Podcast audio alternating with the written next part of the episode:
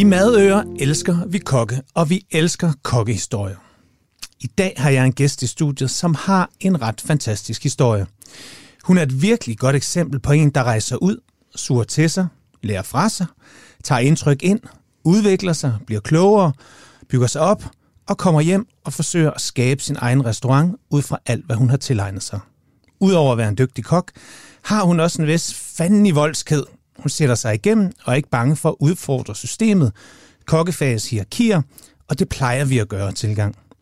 Hun har været på nogle af verdens bedste restauranter. Hun drog til Bolivia for at bygge en kokkeskole og lære det her at forstå og mestre det latinamerikanske køkken.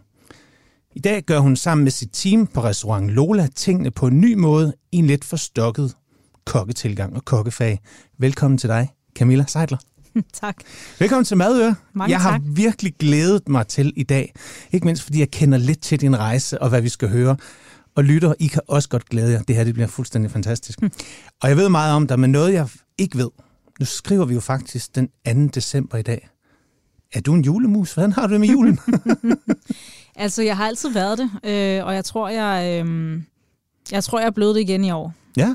Jeg kan godt mærke, at det lige tog, noget, øh, det tog lige nogle år at lande øh, i Danmark igen efter Bolivia, og så lige øh, vende mig til, at øh, alt er mørkt, og øh, øh, sterinlysdelen er dejlig, øh, men det der med, at man har travlt, og det bliver sådan en, for helvede, jeg har ikke noget at bage, øh, og så bliver det mere sådan øh, kritisk, end det bliver hyggeligt. Der kan jeg mærke, øh, det er lidt over i år. Ja. Nu føler jeg mentalt, jeg er klar til jul. Men ellers kan du godt gå i julestress, så når er det hele... Øh... Nej, men det er mere det der, der er så meget, man gerne vil nå. Ja. Og der synes jeg ikke rigtig... Altså, jeg har for eksempel ikke holdt julefrokost, siden jeg kom hjem fra Bolivia. Så det er tre-fire år uden julefrokost, ikke? Det er jo, øh, det er jo fandme ærgerligt. Jeg altså. tænker, den skal have Ja. sådan en over nakken i år, eller hvad? Forhåbentlig, forhåbentlig. Fedt. Men øh, ja. Camilla, vi starter altid med sådan en lille blød introduktion. Eller det, det gør vi ikke i dag, for i dag skal vi høre hele din historie. Hvordan blev du egentlig kok? Jamen altså... Øh, Har du altid gerne vil være kok? Nej. Nej. Nej. Jeg tror, det, det er kommet øh, stille og roligt snigende. Øh, nu snakkede vi kort, inden vi gik i gang, Mm. mm. om øh, Katrine Klinken, for eksempel, min gamle hjemkundskabslærer, som, øh, som jo var en øh, kæmpe instigator, uden måske at, at jeg vidste. Øh, fordi hun insisterede på at lave marokkansk tagine og sådan noget, når vores forældre stod og insisterede på øh, flæskesteg. Ikke? Øh, Jamie Oliver var en kæmpe indflydelse. Øh, Jeg synes, det var fantastisk, hvordan han kunne med trylleslag og fire meget simple ingredienser få noget til at se fuldstændig fantastisk og indbydende ud. Og så den der lethed, øh, han havde og har til køkkenet med, at Mm. du må godt kveje dig, det skal ikke være perfekt og sådan noget. Jeg tror, den, den del tiltalte mig super meget. Øh, og så vidste jeg ikke særlig meget om mad. Øh, og så havde jeg en lille designbutik med min mor efter gymnasiet, øh, fordi jeg godt kan lide hele den kreative del og Okay, så du tog udviklingsdelen. gymnasiet? Ja. Ja, okay. Øhm, og så sad jeg og læste avis, øh, fordi der ikke skete super meget i den der butik i løbet af formiddagen. det gør der jo typisk ikke i butikker. Øh, og så, øh, så så jeg en helsides sådan annonce for, at nu startede Hotel- Restaurantskolen snart hold. Og så tænkte jeg, det skulle det, jeg gøre. Jeg prøver at se, hvad det der kan. Øh, og det, øh, det var sådan set starten på det. Øh, men lige præcis, hvad det var, der, øh, der, der fik det til at ske, det ved jeg ikke. Altså, kunne det have været alt muligt andre ting? Kunne det være en hel side for designskolen i Herning, eller var det bare lige uh, the det, moment? Det tror eller? jeg. Jeg tror, det kunne, det kunne have været... Jeg var også ude i noget sneker, og jeg var ude i nogle ting, så, så alt med sådan ligesom med, med hænderne og noget øh, forarbejdning af et eller andet. Øh, jeg vidste så ikke, hvad det skulle ende med selvfølgelig, men, mm. øh, men jeg vil også sige, min, min sådan helt ægte interesse startede først, da jeg var i gang, hvor jeg sådan, hold da kæft, det kan meget det her. Øh, så, så det var nok mere sådan en, lad os se, hvad det kan. Kan du huske din første dag på Hotel- og Restaurantskolen? Ja, det kan jeg godt. Uh, det lyser ud af dig. Det ja, var nå, virkelig vi, bare... vi havde sådan en, øh, vi havde et line-up af, af krydderurter, hvor Mm. mm. jeg tror, jeg kunne to ud af 10 måske, øh, hvilket jo var rimelig... Altså en lille øh, quiz, hvor man ligesom skulle... Øh... Ja, det var mere sådan en, I kan lige dufte til det, og så kan I lige fortælle os, hvad det er. Og sådan, "Hold kæft, det er dårligt til det her. Øhm, og, øh, og det, øh, det var også en øjenåbner for, hvad der, hvad der egentlig lå forud, og man kunne lære. Øh, så det, det tror jeg egentlig var... Øh, det var en meget god måde at starte på. Og så skulle vi piske en citronfromage i hånden. Så var jeg helt lam i armen, der kom hjem. Det lyder næsten ligesom øh, hvad hedder det, madkundskab i folkeskolen, ikke? Også husk, vi Ja, ja, citronfromage. Ja, men det var så til gengæld meget lækkert. Ja. Så, øh, ja. Så, og så tror jeg, at også havde jeg nogle gode lærere til at starte med, som også ligesom var med til at og, øh, og ligesom fortælle, hvad retning man skulle Mm. i. Og, ja, det var alfa og omega, tror jeg. Kommer du i lære? Ja, det er jo sådan lidt et rodet forløb, fordi øh, jeg havde lavet en aftale om at komme i lære, og så kunne det ikke lade sig gøre alligevel, og så røg jeg i noget skolepraktik, og så, øh, og så var jeg runner i Nordic Challenge, som var en, en kokkekonkurrence, der blev stablet på benene første gang, dengang, øh, for ligesom at promovere nordiske råvarer og så videre. Ja. Øh, hvad, hvad år er vi i? Bare lige for... 2004. Ja, okay. Øhm, og jeg starter på det her grundforløb og er i skolepraktik og bliver sendt ud til den her konkurrence som runner, og så bliver jeg runner for Spanien, og så synes jeg, det er rimelig sejt, det han laver, og mit spansk er virkelig ikke særlig eksisterende. Og har sådan manzanas, hvad fanden er det det? Jeg tror, det er noget med æbler. Fint nok. Jeg henter nogle æbler til ham. Han giver mig thumbs up, og så, du ved, sådan, Nå, fint, så er vi i gang, ikke? Øhm, og så da han er færdig, så er jeg sådan, hey, må jeg ikke komme i lære hos jer? Øh, og han sådan, jo jo, skriv en mail til den her, eller skriv til ham her. Og så Christian Bæk, der var på skolen dengang, fuldstændig fantastisk fyr, som øh, hjalp mig øh, med, at, med at få sendt mm. den her ansøgning og få alle papirerne på plads og sådan noget. Og så gik der nogle måneder, og så sad jeg på et fly til San Sebastian til en to-stjernet Michelin-restaurant uden at fatte noget som helst. øh, altså hvad var det, held eller forstand? Eller? Det var, øh, jeg vil sige, det rigtige sådan sted på det rigtige tidspunkt, men måske også altafgørende, at man tør spørge. Ja. Altså, det tror jeg har været mit... Øh, at man ikke skal, man skal ikke holde sig tilbage. Man skal ikke være irriterende, man skal ikke holde sig tilbage. Øhm, og så første dag i køkkenet der. Hvad var det for en restaurant? Det var Mugarit. Som, hvis man ved lidt, hvad mad er og restauranter er. Ja, var. så altså, hvis man ikke kender den, og øh, det skal man ikke være flov over, for der er mange gode restauranter, så ja. kan man lige gå ind og google den, for de er ret interessante også for et holistisk øh, perspektiv. De, ja. de, de vil mere end mad, øh, og det tror jeg, det er også en stor del, jeg har taget med derfra. Men i kokkebranchen, der vidste man godt på det tidspunkt, og selvfølgelig også, ja, der, altså man hvem, kan sige, hvem de var. Jeg var lige startet der, og så kom mm. der en kæmpe artikel, Svend Rasmussen skrev i uh, Berlingerne, hvor jeg tror, det var der, min far begyndte at tage seriøst, hvad jeg lavede. Var sådan, nå, okay, nå, det er sådan flot sted, du er. øhm, og, øh, og de kom der ned og spiste, og første Michelin-oplevelse, og øh, stort tudende, og nej, og det hele er fantastisk og sådan noget, ikke? Men første dag der, og så få forklaret, hvorfor at kluden skal foldes på den måde, den skal foldes på, så man kan bruge den flere gange, når man er travlt i sø. Altså sådan helt, der var, der var en tanke bag alt. Hvordan jomfruhummeren blev lagt på panden, så den kurven på ryggen passede med varmen. Og, altså, det var bare sådan noget, hvor jeg responderer rigtig godt på at få forklaret, hvorfor ting er. Fordi mm-hmm. ellers så kan jeg godt blive sådan lidt, nå, hvorfor skal jeg det? Det kan øhm, afvige en lille smule fra mange af de andre historie, vi har hørt fra udlandet, hvor store danske kokke er lige bare, nærmest bare blevet kastet ind og sige, du skal stå der, og du skal bare sige ja tak, og så skal du også bare mm. fucking komme i gang. Ja, Jamen, altså jeg vil sige, det var... Der var nok lidt mere... Øh, altså jeg snakker ikke særlig godt spansk, og jeg fik at vide første dag, at hvis jeg ville snakke med dem, så var det fordi, jeg lærte spansk, for de kommer ikke til at snakke engelsk til mig. Øh, så allerede der var der også grænser for, hvor meget de kunne skælde mig ud, for at forstå ikke noget. Så det var, det var en fordel, kan man sige. Ja. Øh, samtidig synes jeg egentlig også, at jeg blev, jeg, der blev taget så godt af mig. Ja. Øh, og selvom det var hårdt, og selvom det var måske 90 timer om ugen, og det var øh, ømme fingre, og, og altså, man var træt, når man var færdig med den uge, ikke? Øh, så var der et super godt sammenhold, og man blev behandlet pænt, til trods for, at der var nogle vilde ting, hvor i dag vil man være sådan, hold da kæft. Hvad kunne det øhm, være? Jamen, det kunne være en, en kollega, der stod og pussede tallerkener ved siden af, hvor der så var et fingeraftryk, og så tager han, altså chefen tager den her tallerken, stiger ham direkte ind i øjnene og bare smadrer den ned i gulvet foran ham, og så siger, prøv igen, ikke? Og vi snakker tallerkener til 3-4-500 kroner stykket, ikke? hvor man sådan, der skal man alligevel også være rimelig altså, bold for bare sådan kigge ham i øjnene, mm. smadre noget til 500 kroner, og så sige prøv igen. Ikke? Lavede du nogle fuck-ups af den kaliber, hvor du også bare lige mærkede, det her det er så det er ikke altid Nej, det gjorde jeg ikke. Øh, selvfølgelig har jeg lavet nogle fuck-ups, men, men jeg tror også, det var derfor, at jeg blev accepteret ret hurtigt, og jeg, jeg blev ved med at spørge, om jeg måtte være i service, og jeg blev ved med at gå hjem og prøve at øve mig på, hvad den sætning hed på spansk.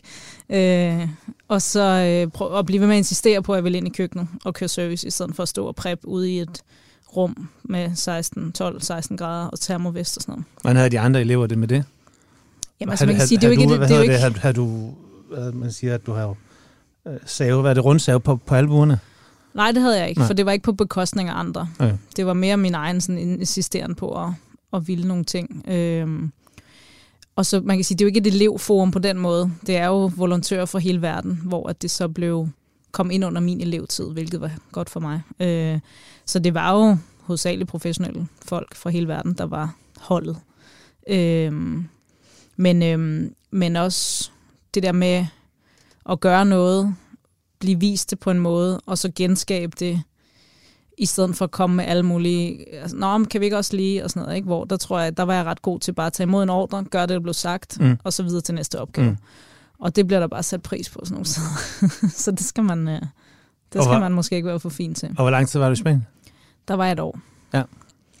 Og der var jeg, jeg noget rundt på, de, altså på alle partierne på restauranten, som jo var meget klassisk delt op med fisk og kød og garni og så videre, så videre. Mm. Øhm, og det var en kæmpe oplevelse at lære et nyt sprog og lære nye mennesker at kende. Og, og også bare, altså, det der med at, at få et indblik i, hvad gastronomien kan, og have nogle venner den dag i dag, altså hvor vi kan ses. Vi har ikke set hinanden i 10 år, og så er det bare den største krammer. Åh, kan du huske den dag? Og, bla, og så er det bare røverhistorie. Ikke? Øhm, så det skaber også et sammenhold, når man står sammen. Ja. 90 timer om ugen op og ned af hinanden. Altså man får, det, det er jo både din mor, og din psykolog, og din bedste ven, og din alt muligt på samme tid. Ikke? Er det også her, du finder ud af, at du vil noget mere med kokkefaget? At du måske lige finder ud af, at jeg er ret god til det her?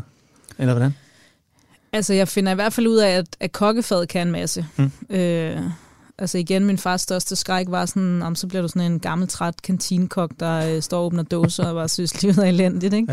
Øh, og det kan jeg i og for sig godt forstå øh, med henblik på det, men, men da jeg så ligesom fandt ud af, hvad det kunne bruges til, og hvad man kunne med det, og hvordan man kunne rykke mennesker, og hvordan man kunne rykke nogle tankegange mm. og få noget politik på tallerkenen, og der er virkelig mange ting, man kan, man kan skubbe med gastronomi, så, øhm, så tror jeg også, jeg fik sådan en, en større respekt for det, og ligesom tænkte, at det var noget, man kunne bruge mange år på.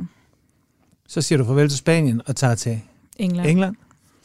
Også Lige to stjerner? på skole.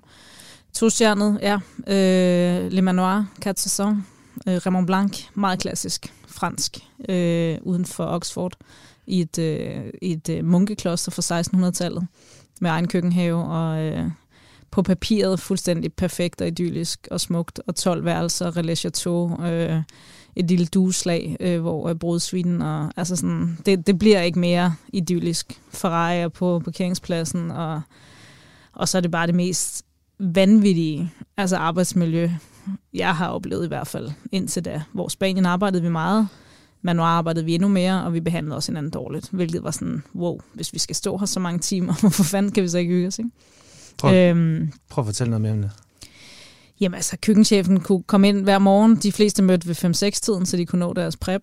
Øh, så det var måske en arbejdsdag fra klokken 5 om morgenen til klokken 1-2 stykker om natten. Øh, med en pause på måske en halv time, en time midt på dagen. Og så øh, kom køkkenchefen måske ind ved 9-10-tiden legnede 42 medarbejdere op på række, og så gik Nej. jeg gav dem hånd, og så individuelt ligesom svinede hver enkelt til. Ikke? Øh, hvilket i for, altså, i og for sig er ret imponerende. Øh, men det er også bare, hvis den energi var brugt positivt, havde måske kommet ja. lidt længere. Ikke?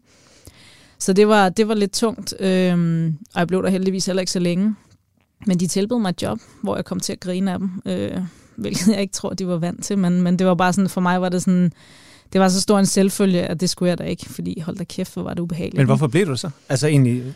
Nå, men det var en kort periode, og det var okay. super lærerigt. Altså, der er jo også, man skal jo også... Det gik jo ikke ud over mig personligt, kan man sige. Jeg var observatør til en masse ting, som jeg ikke var enig i, men samtidig er man jo også, man er ung kok, og man ved ikke noget. Men samtidig var det jo også fuldstændig overflod af dyre råvarer og øh, klassiske franske køkkenhierarkier, fantastiske måder at gøre nogle ting på, tumpet måde at gøre andre ting på. Øh, og det der med, at du, du, du lærer noget lige meget hvad. Lige meget ja. om det er godt eller skidt, så ja. lærer du noget. Jeg sidder jo også, når jeg flyver, så sidder jeg jo om strukturerer ind i mit hoved, hvordan jeg selv ville have lavet flymaden, så den havde været mere interessant. Altså, du kan altid få noget godt ud af, af noget, øh, som ikke de skader dig. Ikke? Ja. Øhm, jeg kan så, ikke helt få øje på, om du har temperament, om du bare er god hmm. til at tøjle det i de situationer, hvor du har brug for at tillære dig ting, der gør dig skarpere og dygtigere.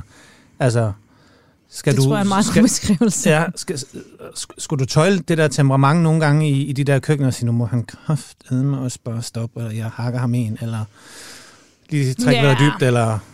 Altså jeg vil sige, i England, der, øh, der var en aften, hvor at, at det havde været øh, virkelig dårlig service, der var blevet råbt af rigtig mange mennesker, der var gået rigtig mange ting mm. galt. Mm. Og så den ene køkkenchef gik med sådan en, en spritus og markerede alle de fliser, han stadig synes var beskidte i et køkken på 400 kvadratmeter måske. så man så kunne gå efter og pusse igen med glasrens. Øh, og så samtidig, fordi at de så var sure på køkkenet, så skulle vi så blive og polere de måske små 120 koverforme, der hang på væggen som dekoration. Så der blev bare smidt 10 flasker brasso frem og nogle servietter, så kunne vi bare komme i gang. Og der var klokken måske et halvt to om natten allerede, ikke? og folk havde været der i 18 timer. Ja. Øh, og så var der en, der havde lavet en kop te, og så den her kop te står jo, og køkkenchefen kommer ind og har sådan, oh, you have time for tea, og sådan noget. Og så tager han bare den her og kaster den her varme væske gennem lokalet. Og det er ikke ment på nogen, og det skal ikke ramme nogen bestemt. Det rammer mig, og det var en dårlig idé. Øh, og jeg er så træt, og jeg, altså, hvad fanden billeder dig ind, ikke? Ja. Og er du helt væk? Øh, hvad hvis nogen havde fået det i hovedet? Altså, så det er mere sådan en, det er ikke fordi, det er gået over mig, det er nej. mere sådan en på, på mm. the greater good, hvor jeg er sådan, ej, fandme nej. Mm. Og så vender jeg mig om, og så siger jeg, what the fuck are you doing? Altså sådan helt rasende. Mm. Og så, sådan, så først bliver han, kommer han lidt i defensiven, og det skal jeg fandme bare, og det var ikke, og, sådan, og så er jeg sådan, ej, du, altså, du er helt væk. Og så kan han godt se, den kommer han måske ikke til at vinde. Og så er han sådan, kan vi lige snakke på kontoret? Fint nok, så går vi ind på kontoret, og så han sådan, lukker døren, og sådan, åh oh, gud, jeg, ej, det er jeg virkelig ked af. Er du okay? Og så, har du brændt dig, og er alt godt? Og skal, du, du kan ja, okay. komme til lægen på min regning? Og altså sådan, så ruller han okay. hele den røde løber ud, ikke? Men det må i fald kunne han ikke stå og tage foran alle de Nej, andre. Nej, det kunne han, han ikke. Fordi så vil han også... Ja, ja. og så siger jeg, har det fint. Ja. Det, det handler ja. ikke om det. Det er en princip om ikke at stå og kaste kone ting efter folk. Ja. Altså, du er helt væk. Okay. Ja, men jeg skulle bare holde en fridag i morgen, og alt var godt, og så videre. Øhm, og så var jeg sådan lidt, ja, det kan jeg kræfte med lov dig for, jeg skal, så jeg holdt en fridag. Øh, og så kom jeg igen dagen efter, og så inden han selvfølgelig var kommet mm. om morgenen, så går jeg ind i køkkenet, og så sådan en slow clap ikke, fra hele køkkenet, fordi der aldrig vidderligt har været nogen, der har sagt det her øh, imod ham, og så snakker vi aldrig mere om det. Det er en filmscene, det der, Camilla. Fuldstændig. Ikke? Men altså, det er hvis jo ikke der noget... sidder en eller anden manuskriptforfatter derude, det kan være Adam Prise eller en eller anden. altså, jeg tror godt, han kunne lave dit, øh, ja. dit kokkeliv til en eller anden ret fed tv-serie. Ja, Den men, men det er jo bare der, hvor man mm. desværre også er i dag, og tidligere især, ja. at, at der er bare mange, der ikke siger fra. Mm. Og så får de en, en virkelig dårlig oplevelse, og så forlader de karrieren, eller de mm. kaster sig ud i et øh, narkomisbrug, eller hvad fanden ved jeg. Ja. Så jeg har heldigvis, apropos temperament, været god til at sige fra, når jeg følte mig trådt på, men samtidig burde det jo heller ikke være nødvendigt. Ja. Så kommer du hjem. Mm. Så ender du hos Bobæk. Ja. Den danske Jamie Oliver. Ja, det, ved jeg, ej, det er han ikke, men altså den enkelheden i maden har jeg altid set nogen. Det her med to, tre, fire råvarer, ikke? og så kan man få noget Helt magisk klar. ud af det. Ja. Og øh, for egen regning er Bobæk jo en af mine sådan, gastronomiske helte. Ikke? Mm. Øh, og du er på Paustian. Ja. Ja, det er jo den restaurant, der starter sådan mit sådan gastronomiske sådan rejse, ja. øh, hvor jeg spiser i, jeg spiser der i 2007. Øh, stadigvæk fantastisk mad enkelhed. Så det der Bo, han udvikler nogle retter, som, som jeg sådan stadigvæk husker. Ja, øh, og for mig at se, var, var gejst også, altså, jeg elsker at spise ude, men når jeg har været på en restaurant fire måneder senere, kan jeg godt huske, det var godt. Mm. Jeg kan bare ikke huske retten. Nej. Men jeg kan, jeg, jeg kan godt nævne 10 retter fra gejst, mm. som jeg har fået. Men det er sjovt, for det er jo der, det er jo der hvor at det, det sande øh, talent bliver ja. så fast. Det er ikke, ja. om det var en firestjernet øh, Michelin-oplevelse, eller om det var en øh, sandwich ude i marken. Det er jo, om, om det er noget, du kan huske bagefter. Ikke? Og du kom i lærer eller job hos... Jeg kom i lærer. Ja. Jeg, jeg så du har også støttet din lærertid der? Ja. Ja, øh, ja og helt fantastisk øh, i forhold til at have have mange af de her elementer med, der rørte sig på det tidspunkt, og det var jo nogle, øh, noget overspil fra El Bulli i forhold til nogle øh, vi lavede sådan nogle peberfrugtsfager, og Bo var meget inspireret af Mugaritz ja. og, og Spanien generelt på det tidspunkt. Det var hele, hele København, tror jeg. Øhm, og så til at, ligesom at, at, at finde ind i noget helt andet, og gøre nogle helt andre ting, og også det der med at, at bruge nogle råvarer på nogle måder, som, som ingen andre i København gjorde, og mm. skabe en meget personlig stil, øh, hvilket også er, er noget af det, jeg tager med mig fra, fra, fra den tid. Øhm, og så det der med netop også, altså jeg tror for mig, den der force, som der var i at stå en til en. Mm. Altså så netop man blev taget under vingen på en eller anden måde med, at så gør vi det her, fordi sådan og sådan, og det resultat af det her bliver det her, og det er derfor, du gør det, var super vigtigt for mig, og fik jeg rigtig meget ud af at have, altså også den form, jeg selv lærer videre i dag. Ja. Øhm, fordi jeg synes, det er, det er den klogeste måde at lære fra sig. Ikke? Du skal jo. ikke gemme opskrifterne, du skal lære dem fra dig, så nogle andre kan blive dygtige. Og vi skal nå, hvordan alle de her erfaringer har gjort dig til den restaurantejer og den kok, du er i dag på dit eget sted. Mm. Men vi skulle lige nødt til at tage et lille smut til Sydamerika. Ja. øhm, du er der i seks år. Ja, knap seks år, ja. Men hvorfor tager du afsted? Hvad? Det er Claus Meier, der har lige har en finger med spillet der, ikke? Helt klart, Ja. jo. Mm. Altså, jeg, øh, efter Paustien var jeg et smut på Søllerød, og så efter Søllerød var jeg på Geist, Mm. da jeg bo åbnede den. Og du Øhm. Søllerød under Brian? Nej, øh, Øh, Jakob Jakob? Denergaard, Okay. ja. Øhm, så det, det, var, øh, det var noget helt andet. Det var også øh, en, en kæmpe rejse, og, og nogle virkelig øh, solide, øh, klassiske ting, øh, jeg er med derfra. Øhm, men jeg savnede også lidt Bos måde at være lidt laissez-faire på, øh, på den, øh, altså, på den rigtige måde, kan man sige. øhm, men også lidt fanget i sådan en, som man jo godt kan blive i vores branche, lidt fanget i sådan en hamsterhjuls vibe af, at du prepper, og så bliver det spist, og så prepper du, så bliver det spist, og så prepper du, så bliver det spist, og så er der gået et år, og der er gået to år. Og Kædede jeg du dig? Nej, det gjorde jeg ikke, fordi vi havde, vi havde, for travlt at kede os, vil jeg sige. Men jeg synes måske, jeg havde svært ved at vurdere, hvad jeg så skulle bagefter. Ja. Øhm, fordi man kan sige, altså Men man kan godt Bos menu er jo også Bos menu. Øh, så det der med at, at have noget på kortet, eller sådan, altså, og det er jo, det er jo hvordan man vælger at drive sin Mm. forretning, det er jo fuldstændig fair and square. Men, men det er også svært, når man står i det der limbo af, man synes måske ikke, et, man er måske ikke helt klar til at åbne sit eget, man har heller ikke økonomien til det, man er måske heller ikke klar til at være køkkenchef et andet sted, for man kan egentlig godt lide det, der foregår på det sted, man er. Øh, så hvis jeg skulle noget andet, så skulle det være noget helt andet. Men man kan jo godt kede sig i det der med at stå op, prep, køre service, tage hjem, gøre det igen, ha- have noget kreativ space osv. Mm. Og så videre. Fordi jeg tænker, da Claus kommer til dig og siger, hey, vil du med til Sydamerika, der er det jo en anden hverdag end at arbejde på Søllerød. Det er en anden hverdag, helt Ja. klart. Men det er også, for mig var det også mere udfordring i, kan jeg lære fra mig på Mm. et niveau, hvor at der er nogle mennesker, der rent faktisk kan tage noget med, andet end, altså man kan sige på, på både på Geist og på Søllerød, der er du et hold, hvor at, hvis jeg ikke lærer fra mig, jamen, så gør Brian eller Mm. Lone, eller hvad fanden der nu er. Altså, så, så skal du nok lære et eller andet, hvor her, hvis du ligesom skal stå i spidsen for en læringsproces, så er det rimelig meget også dig, ansvaret lander på, når, øh, når de så kan noget eller ikke kan noget. For hvad var det, I skulle ned og lave? Hvad var det, I åbnede i Bolivia? Jamen, altså, Claus' vision var, at vi skulle øh, få Bolivia på øh, det gastronomiske verdenskort. Ja. Øh, og vi skulle, øh, vi skulle tabe ind i den succes, som Peru havde på det tidspunkt, og ligesom selvfølgelig har fået meget mere efterfølgende, men ligesom var, var meget upcoming i øh, både lokalt i øh, Sydamerika, også i Latinamerika, men også i verden. Det var et sted, man begyndte at kigge til. Okay.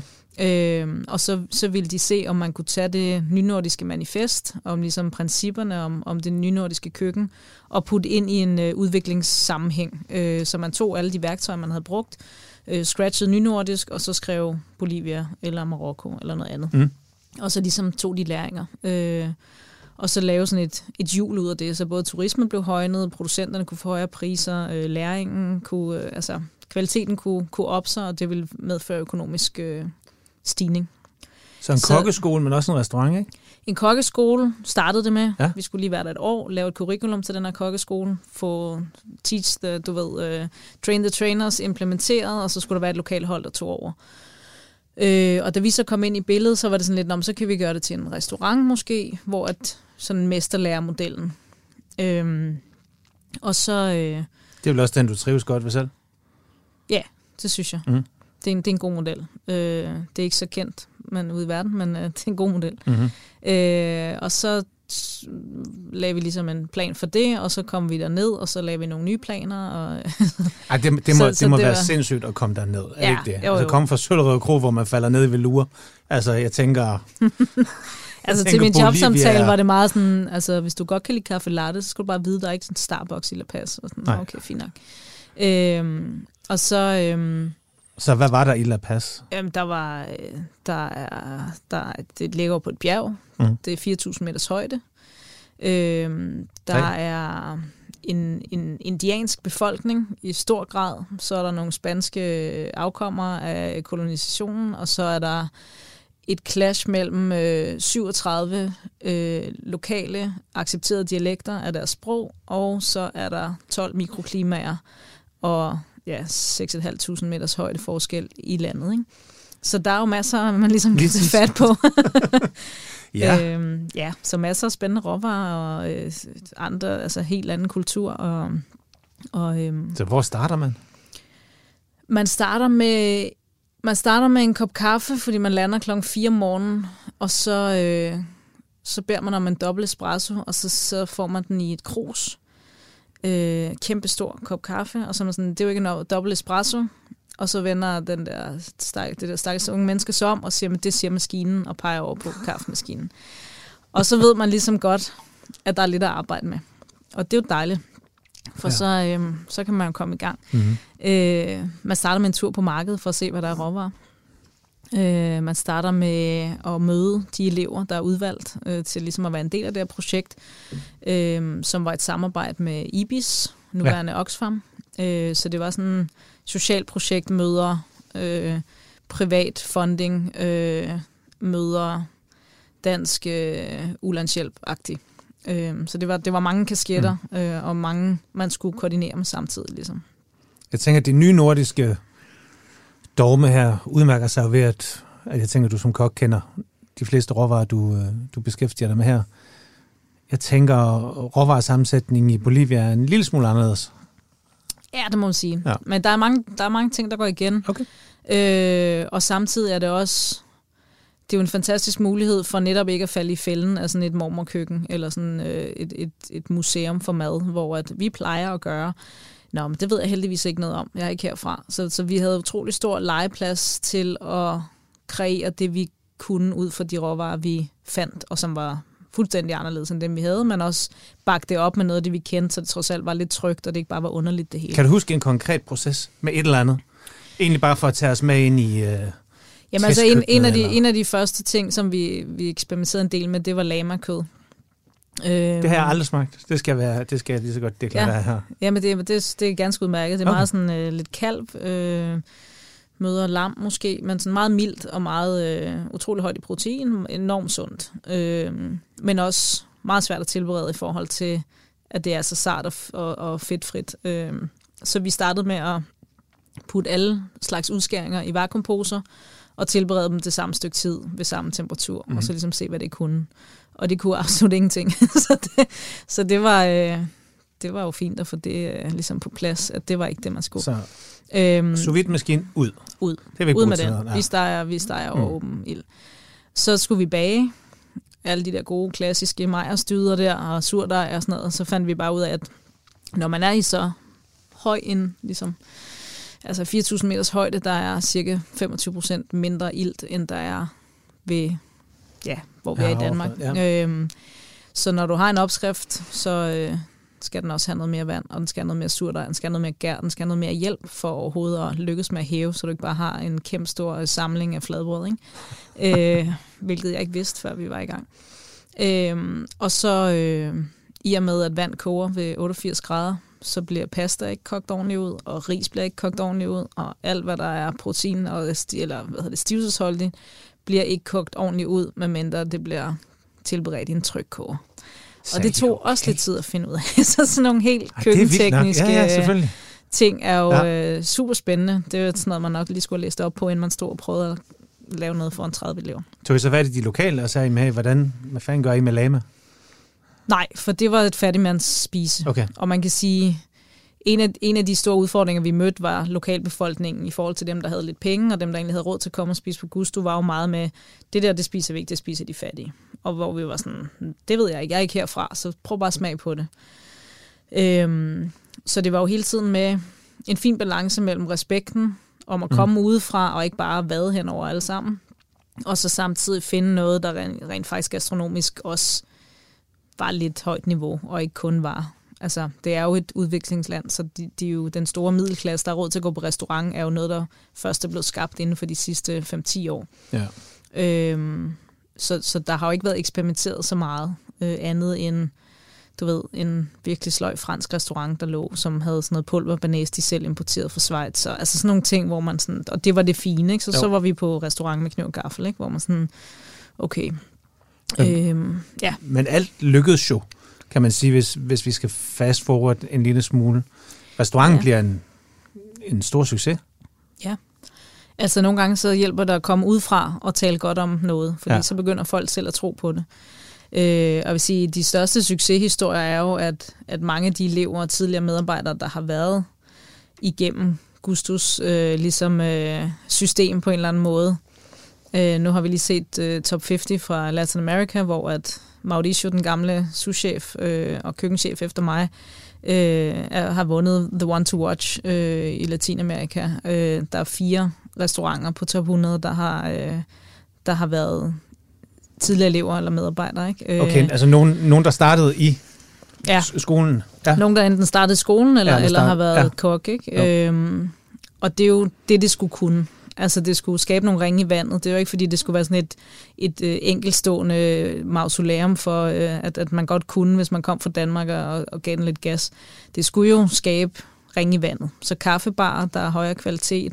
Øh, altså, vi havde samarbejder med, med vinbønder, øh, som jo ved Gud puttede sukker og alt muligt øh, tilsætningsstoffer i alt, hvad de lavede til lige pludselig er der en, en kæmpe stor sådan, naturvinsbølge. Og, altså, og så det er klart, der er jo der er jo en international indflydelse generelt, men der er også virkelig meget benarbejde i, at vi havde en dygtig tjener, der synes, det var interessant at arbejde med den del af det. Øhm, at vi havde øh, nogle lokale kokke, som synes, at det var mega spændende at tage med ud på de her foraging-ture ud i ingenting ja. og finde mærkelige ting, som som var spiselige, og som kun tiboldemoren kendte til, og sådan noget. Ikke? Så, så der ligger jo et kæmpe arbejde i det der, øh, som er blevet fuldt rigtig godt op, efter vi også er stoppet. Så det er jo fantastisk at se, at de ligesom virkelig bare har grebet den og løbet med den. Ikke?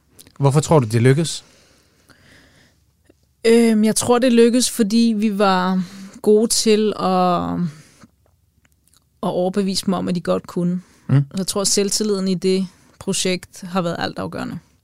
Altså i starten havde vi mange samtaler. Tror du, vi kan blive lige så gode som Peru? Og sådan, hvor det, sådan, det skal du ikke koncentrere dig om. Du skal ikke blive bedre end, eller vildere end nogen. Du skal blive rigtig god til at være dig selv. Øhm, så jeg tror, der er kommet en, en stor selvtillid i Made in Bolivia, og, øh, Ja. og det er lokalt, og det er fordi, at det er det, alle restauranterne baserer sig på. Det er det dogme om, at det er lokalt produceret, det er lokale retter, der bliver for- genfortolket, og det er lokal kaffe, det er lokalt. Så det er virkelig slået sig fast, det der. Øh, det lokale. Øh, og det er altså i al ydmyghed, ydmyghed udsprunget fra, fra det projekt. Mm. Og det er fantastisk at se, at de, at de virkelig har, har troet på det, fordi der var også noget at tro på. Altså, der er pissegod kaffe, der er god vin, der er gode, der er gode råvarer. Så, så når det ligesom bliver sat sammen med de rigtige hænder, så, så er der rigtig meget potentiale. Kan du ikke hjælpe os med at lave en ret her i vores lille ydmyge studie? Fordi jeg ved meget, meget lidt til boliviansk mad. Ja, Og jeg tænker, hvis man bare kigger sådan på Sydamerika og Latinamerika, så er der nok ceviche. Eller så er det for rigtig mange sådan det meksikanske køkken. mm. Er der et eller andet mega lækkert, som vi sådan lige kan dube os lidt frem til her, som, som man faktisk kan kaste sig ud i derhjemme, hvor man vil få noget, en lille wow, en noget autenticitet? Altså, jeg tror, at det bolivianske køkken er svært at genskabe, fordi det er så... Øhm, det, det er meget baseret på, på lokale råvarer okay. i forhold til ting, der er svære at skaffe her. Øh, Så jeg tror, hvis vi tager et, et lille skridt over i nabolandet øh, Peru, Mm. så, øhm, så er det måske lidt nemmere, for de har også hav, og det har Bolivia ikke. Så de har ikke særlig stor kultur for Okay. fisk og skalddyr og sådan noget. Øhm, men jeg tænker sådan noget som en, en causa limeña. Det lyder godt, Ja, men det kan også være mange ting. En causa limeña Det- er øh, en, øh, det er en øh, ret på sådan relativt enkle ingredienser, mm. som kartoffel, Det har jeg. Lime juice, Yes, avocado, har jeg også. krabbe og eller rejer og eller fisk og eller tun og eller noget. Hvad du end Jomfruhummer. på. Jomfruhummer, rigtig lækkert. Yes, så kører vi. Ja. Luxus causa Nu vrider vi den lidt i en nytår, ikke også? Nu bliver det nytårsmenu. Okay, jamen, det, det, jamen, det er lækkert. super godt. Ja, Jamen, så koger du dine kartofler, Ja. ja. øh, som hvis du skulle lave en kartoffelmos. Hvis du kan skaffe lidt ají amarillo, som er en gul chili-pasta, eller gule chilier. Og det kan du, hvis du øh, enten øh, lige går ind og shopper lidt på øh, Latin Flavors, eller nogle andre øh, sådan nogle råvareleverandører. der er god tid til nytår, det kan nås. Ja, ja, det kan sagtens. Mhm. Øhm, og så, øhm, så blander du denne her, øh, smag lige på den først, for nogle af dem er rigtig stærke, nogle af dem er ikke så stærke. Så blander du lidt af den her paste op i din øh, kartoffelmos, Ja, øhm, og så skal der masser af lime juice i, så den bliver frisk. Husk salt, eller så smager det ikke noget. Ja. Øh, og så har du sådan en, en lidt fast, men spicy, syrlig kartoffelmos, som skal serveres kold. Ja. Øhm, så laver du din avocado. Der kan du enten være meget kreativ, så du finder dine tyndskralder frem, laver flotte bobækske... Jeg skulle lige til at sige det. Et lille square. Fuldstændig. Ja. Eller du kan øh, hakke den i terninger. Mm. Du kan lave en, øh, en, en puré på den, hvad du end, øh, sådan lidt i Jacob de Nergård-stil, i øh, den der lille kaviar-dåse, hvis nogen har fået den ja, på Marshall. Så, øh, øh, basically, en udstikkering, et glas, man kan også gå helt retro nytårsaften og lige anrette et, øh, et martini-glas, hvis man skal være rigtig vild, og lige øh, inspireret af en øh, rejcocktail. øh, men ellers så en kok vil bruge en udstikkering. Ja. Og så har du noget øh, kartoffel i et lag, glatter ud, nyt lag, hvor du har avocado, glatter ud, så din stegte jomfruhummer, eller din marinerede, hvad du end har mm-hmm. valgt, krabbe, taskekrabbe kan også være nice.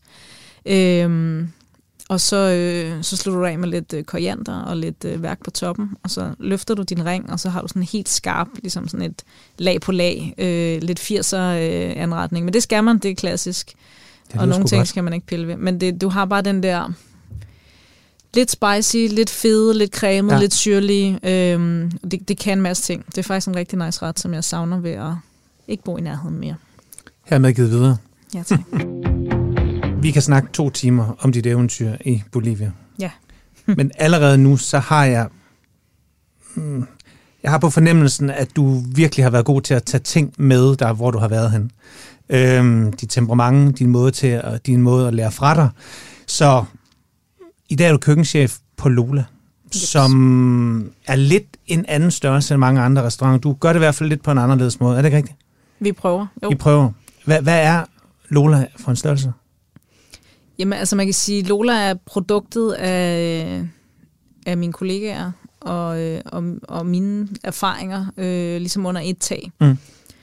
Øh, vi er tre partner, som øh, er i driften, og så har vi nogle mini-investorer, som øh, hjælper os, øh, da vi skulle finde penge til at starte restauranten, og som også har et, et, et øh, godt kendskab til branchen. Øh, og hele formålet var at lave en restaurant, som kunne noget mere eller noget andet end kun at være en restaurant i gåsøjen, hvilket mm. også er helt fint. Hvis det er det, man gør, så gør man det.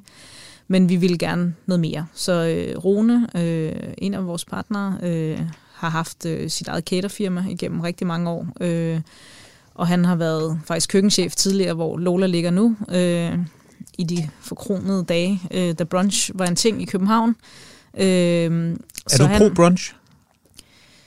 Jeg er pro god brunch. Ja, jeg er pro horribel brunch. Øh, jeg, jeg er kontra horribel brunch. Ja. Anyway.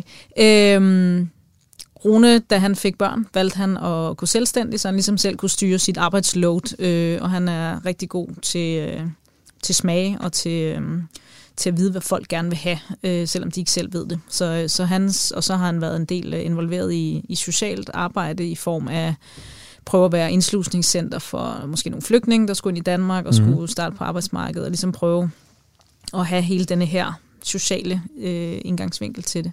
Men vidste du allerede det, da du tænkte, okay, nu, nu laver vi en restaurant? Nej, det var før. Okay. Ja, okay. Altså, det er bare for lige at, at forklare, hvem ja, vi er, og ja. hvorfor vi så mødtes. Ja. Øhm, Mette Straub er øh, vores anden partner, som øh, har kørt Claus Meyers øh, Brownsville-projekt i New York, meget samme stil øh, som Gusto. Hun var også nede og besøge os i Bolivia osv., og, og har arbejdet i fængslerne igennem Meyers, og har dedikeret sig, altså sit liv og sin karriere de sidste i hvert fald 10 år til social gastronomi på den ene eller den anden måde. Øhm, jeg var jeg havde sagt op på Gusto. Jeg var lige taget tilbage til København. Jeg var i New York og lavede en middag fra FN. Øh, snakker med Mette siger, hey, hun var sådan, jeg skulle lige sagt op, jeg kommer til Danmark, så, så skal vi sgu da arbejde sammen. Og hun var sådan, nej, jeg har lige fået et andet job. Og, Nå, okay. Nå, fint nok. Bare lige en middag for FN. Jeg, jeg kan godt lide måden, du bare lige smider den som sådan en, en sidebemærkning. Den tager vi en anden dag, Camilla. Det lyder det er også et andet fedt. program. Ja, ja, ja. det er så, Jamen, når vi laver FN-programmet. Jeg har sgu lavet ja. mange spændende ting, så øh, vi kan bare snakke fra nu af til juleaften. Altså næste jul. Næste jul, ja. Øhm, og så... Øhm, så er jeg sådan, det, jeg skal ikke bede om restaurant. Jeg har lavet rigeligt af det her. Det var rimelig meget arbejde. Og så øh, af omveje for at tilbudt det her fuldstændig fantastiske mulighed ude på, øh, på Christianshavn, øh, hvor Lola ligger nu, og tænker sådan, okay, skulle man have en restaurant, så, altså, så er det sgu en meget fin destination. Altså, og så må jeg jo så genbesøge min, øh, mit nej. Øh, og så i samme øh, ombæring får jeg en mail øh, fra et firma, der hedder Entré, som så er her, hvor Rune blandt andet er partner, om at de gerne vil mødes til en kop kaffe og lave en restaurant i en af de såkaldte ghetto-områder. Øh, hvor jeg sådan, puha, det er, det, der har jeg lige været. Det, er sådan, det var meget arbejde, øh, men jeg har det her fantastiske sted, hvor mm. vi kan implementere mange af de her ting, vi gerne vil, så har I ikke lyst til at være, komme herud og kigge på det med mig. Og samtidig sådan med det, kommer til Danmark, og jeg får lige sådan, kom lige ud og kig bare, du ved. Ja, Ingen forpligtelser. Det er sådan en god ejendomsmaler, ikke? Mm, ja, og så ender man med at have både købt huset og bilen ja. og hunden og sådan noget, ikke? Øhm, og så lang historie kort ender det med, at vi synes, det er en god idé at starte en forretning sammen, men den skal kunne noget mere. Mm. Så det skal være altså mange tror, vi har løst alle sociale problemer i Danmark. Det har vi jo ikke. Øh, så, så vi skal have plads til folk, der måske står lidt uden for arbejdsmarkedet. Vi skal prøve at skabe en, øh, en, en bedre, øh, hvad hedder sådan noget, altså et bedre, lidt bedre arbejdsvilkår lidt bedre øh, øh, taleformer, end, end vi måske har været vant til. Øh, og ligesom prøve at, at sige farvel til noget af alt den der, altså toxic masculinity, som, som vi har fået smidt i hovedet de sidste 10-15 år. Ikke? Øhm, og så beslutter Hvad er det vi os... for en toxic masculinity? Nå, men den der sådan uga-uga, og kvinder okay. skal og klappe i røven, og du ja. kan ikke bære den fondgrød med dine store kasser. Altså, du ved, hele den der, hvor man bare sådan, hold nu kæft, mm. altså.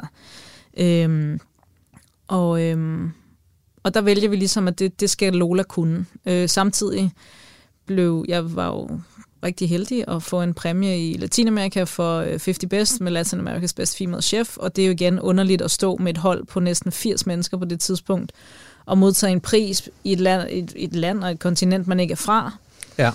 Og med 80 mennesker i ryggen, hvor man sådan, jeg føler lidt, det er en holdindsats. Øhm, så princippet var også, at, at vores hold skulle kunne ses på menukortet der skulle være plads til, at kokke kom og gik, og at, at vi havde nogle i rigtig lang tid, og vi havde nogle i kortere tid af den ene eller den anden grund, men at de skulle have lov til at være repræsenteret på, den en eller anden, på en eller anden måde. Er det så øh, lykkes? Altså, ja, det synes altså, jeg. Kan det lade sig gøre, det her med at drive en restaurant på sådan et højt niveau, uden en gang mellem at Altså, jeg tænker ikke, du legner folk op, og så får de lige, så får du de lige din uforbeholdende mening om deres udseende sådan nej, øh, nej. lidt i 12. Nej, jeg prøver at være.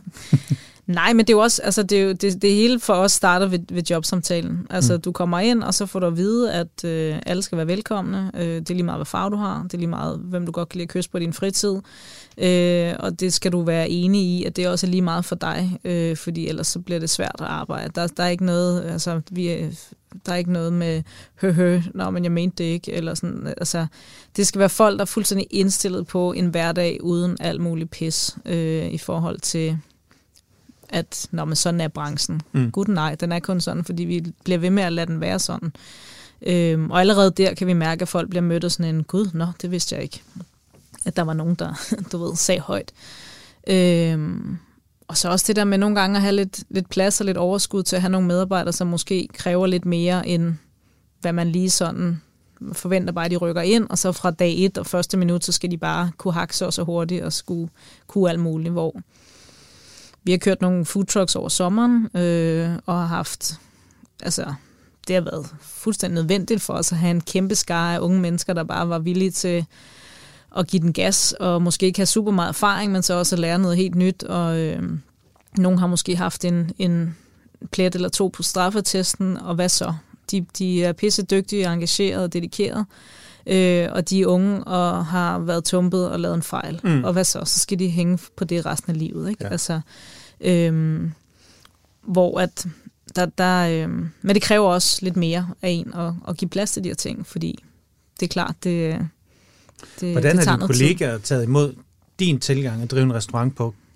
Vi har tidligere haft øh, Erik Vilgaard ind, som også gør tingene lidt på en ny måde i forhold til til både fri og hvor meget man skal arbejde og så videre. Er der ved at komme sådan en ny bølge af, at man kan drive restaurant på flere måder end uh, ja tak, og man arbejder 100 timer, og høj rockmusik uh, under prep, og, og, Jamen, og, og, og det er de stærke og de svage, og man stjæler fra hinanden, og så videre, så videre. Jeg altså, tror, det er, det er nødvendigt for vores branche for, ja. for at kunne overleve. Altså det, øh, vi kan allerede se nu, for første gang, nu snakkede jeg lige med, med, øhm, med Giga, som er direktør ude på Hotel- og Restaurantskolen i København, og de har for første gang i mange, mange år, og som den eneste kokkeskole, set en fremgang. Okay. Så det er jo fuldstændig fantastisk. Så det kan være, at alt det her, vi sidder og snakker om, og, og forhåbentlig bliver ved med at snakke om, mm. smitter af og gør, at folk har lyst til at søge ind på vores uddannelse, fordi ellers er vi jo færdige. Øhm, og også især tjenerfaget er jo døende, hvilket er ja. frygteligt, fordi det er jo, det er jo en værtsrolle. Det er jo ligesom at have gæster derhjemme. Du skal, jo, du skal jo virkelig bryde dig om det, og du skal have lyst til det, og du skal...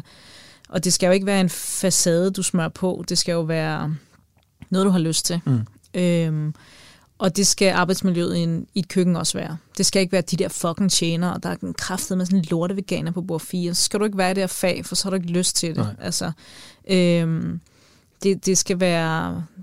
Jamen, det er en værtsrolle. Du skal byde indenfor, du skal byde velkommen. Øh, du skal snakke om kunst og kultur, du skal ikke snakke om pik og patter. Altså, det, der, der skal en ny generation til for at få alt det der gamle ævl af vejen. Og der vil vi godt prøve at være med til at skubbe det i den rigtige retning. Jeg synes, det er en super god idé. Alle mine gæster, at tiden går alt for stærkt. Det kan også ja. være, at du skal ind og i, en, uh, i et afsnit mere.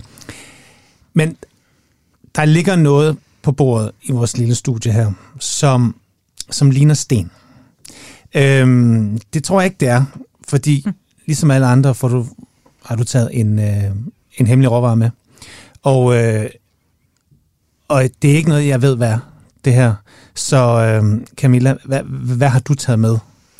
Jamen, jeg har taget øh, chunyo og dunta, som er... Øh, Selvfølgelig. Nå, det, det, det er. Ja, jamen, det kan du godt se nu, ja, ikke? Nu, nu er det. Jeg jo, jeg tænkte det. Ja. Og så som en anden Pete van Deurs, hvad er det? Ja, jamen det er øh, kartofler. Øh, og det er øh, inkærne og øh, man kan sige øh, altiplano-folket, så, så folk øh, helt konkret, der bor over 3.000 meter, øh, både i Bolivia, Peru og Chile, som, som har konserveret kartofler på den her måde igennem tusinder af år øh, til dårlige tider. Øh, og så det er en konserveret kartoffel? Det er en konserveret kartoffel. Okay. Det er simpelthen en proces, hvor at når man høster, transporterer man det op på bjerget, Øh, og så, altså på volden på Christianshavn? Jeg tænker, nej, det, det, nej. det er lidt mere sådan en international okay. ting. Så det er ikke det er noget, heller ikke Himmelbjerget. Nej, nej, det er ikke noget, selv har det, det, det er fra gemmerne i de gamle kufferter fra Bolivia. Øh, man skyller stivelsen ud i de små bække, der løber ned igennem øh, fra, øh, fra gletsjerne. Og så ligger de her i en uge, måske 14 dage, indtil de er fuldstændig skyllet igennem for stivelse og så videre. Og så øh, tager man dem op på, øh, på, på, ligesom på, øh, på fladerne, øh, hvor man så om natten lader dem fryse. Og så om dagen, når solen står op, og den brager frem, der er jo, det er jo, altså, det er meget varmt og lækkert. Og blå himmel, 350 dage om året. Og, øhm, og, øh, og så går man med fødderne og træder det her vand ud, som jo har samlet sig om natten ved at fryse. Altså trammer man dem flade? Ja, så træder, trammer man sådan lidt flade. Ja. Det skal jo ikke moses, så Nej. det er sådan en meget forsigtig proces, og man skal være lidt, sådan, uh, lidt gavet i det, fordi ellers så knuser man dem bare. Ja, okay. Og når den proces så ligesom er over, så er de jo frystørret. Altså old school frysetørret. Øhm, og så kan de jo holde i nærmest 100 og 1000 år. Øh, man har fundet nogle af de gamle inka-grave og sådan noget, øh, som er flere tusind år gamle. Og hvorfor har du taget den med? Jamen, jeg har taget den med, fordi jeg synes, det er en interessant snak i forhold til, at hvor vi skal hen øh, i fremtiden. Hmm. Øh, hvad, hvad skal mad kunne? Er det bare noget, vi skal overleve af? Er det noget, vi skal sørge for at passe på? Er det noget, vi skal... Altså, traditioner kan rigtig meget. Øh, jeg tror, at hvis vi skulle... En pangdang til det her, hvis vi skulle lægge noget ned, skulle det nok være en, en sild eller et eller andet. En rød ja. sild, en saltet sild, et eller andet ned i en grav. Jeg ved ikke, om den holder lige så længe, men, øh, men det er jo, det er jo altså, et klenod, der virkelig står tilbage i, ja. i både Bolivia og Peru. Øhm, og hvad bruger man den til? i? Uh... Jamen, man, man, man hydrerer den ligesom igen.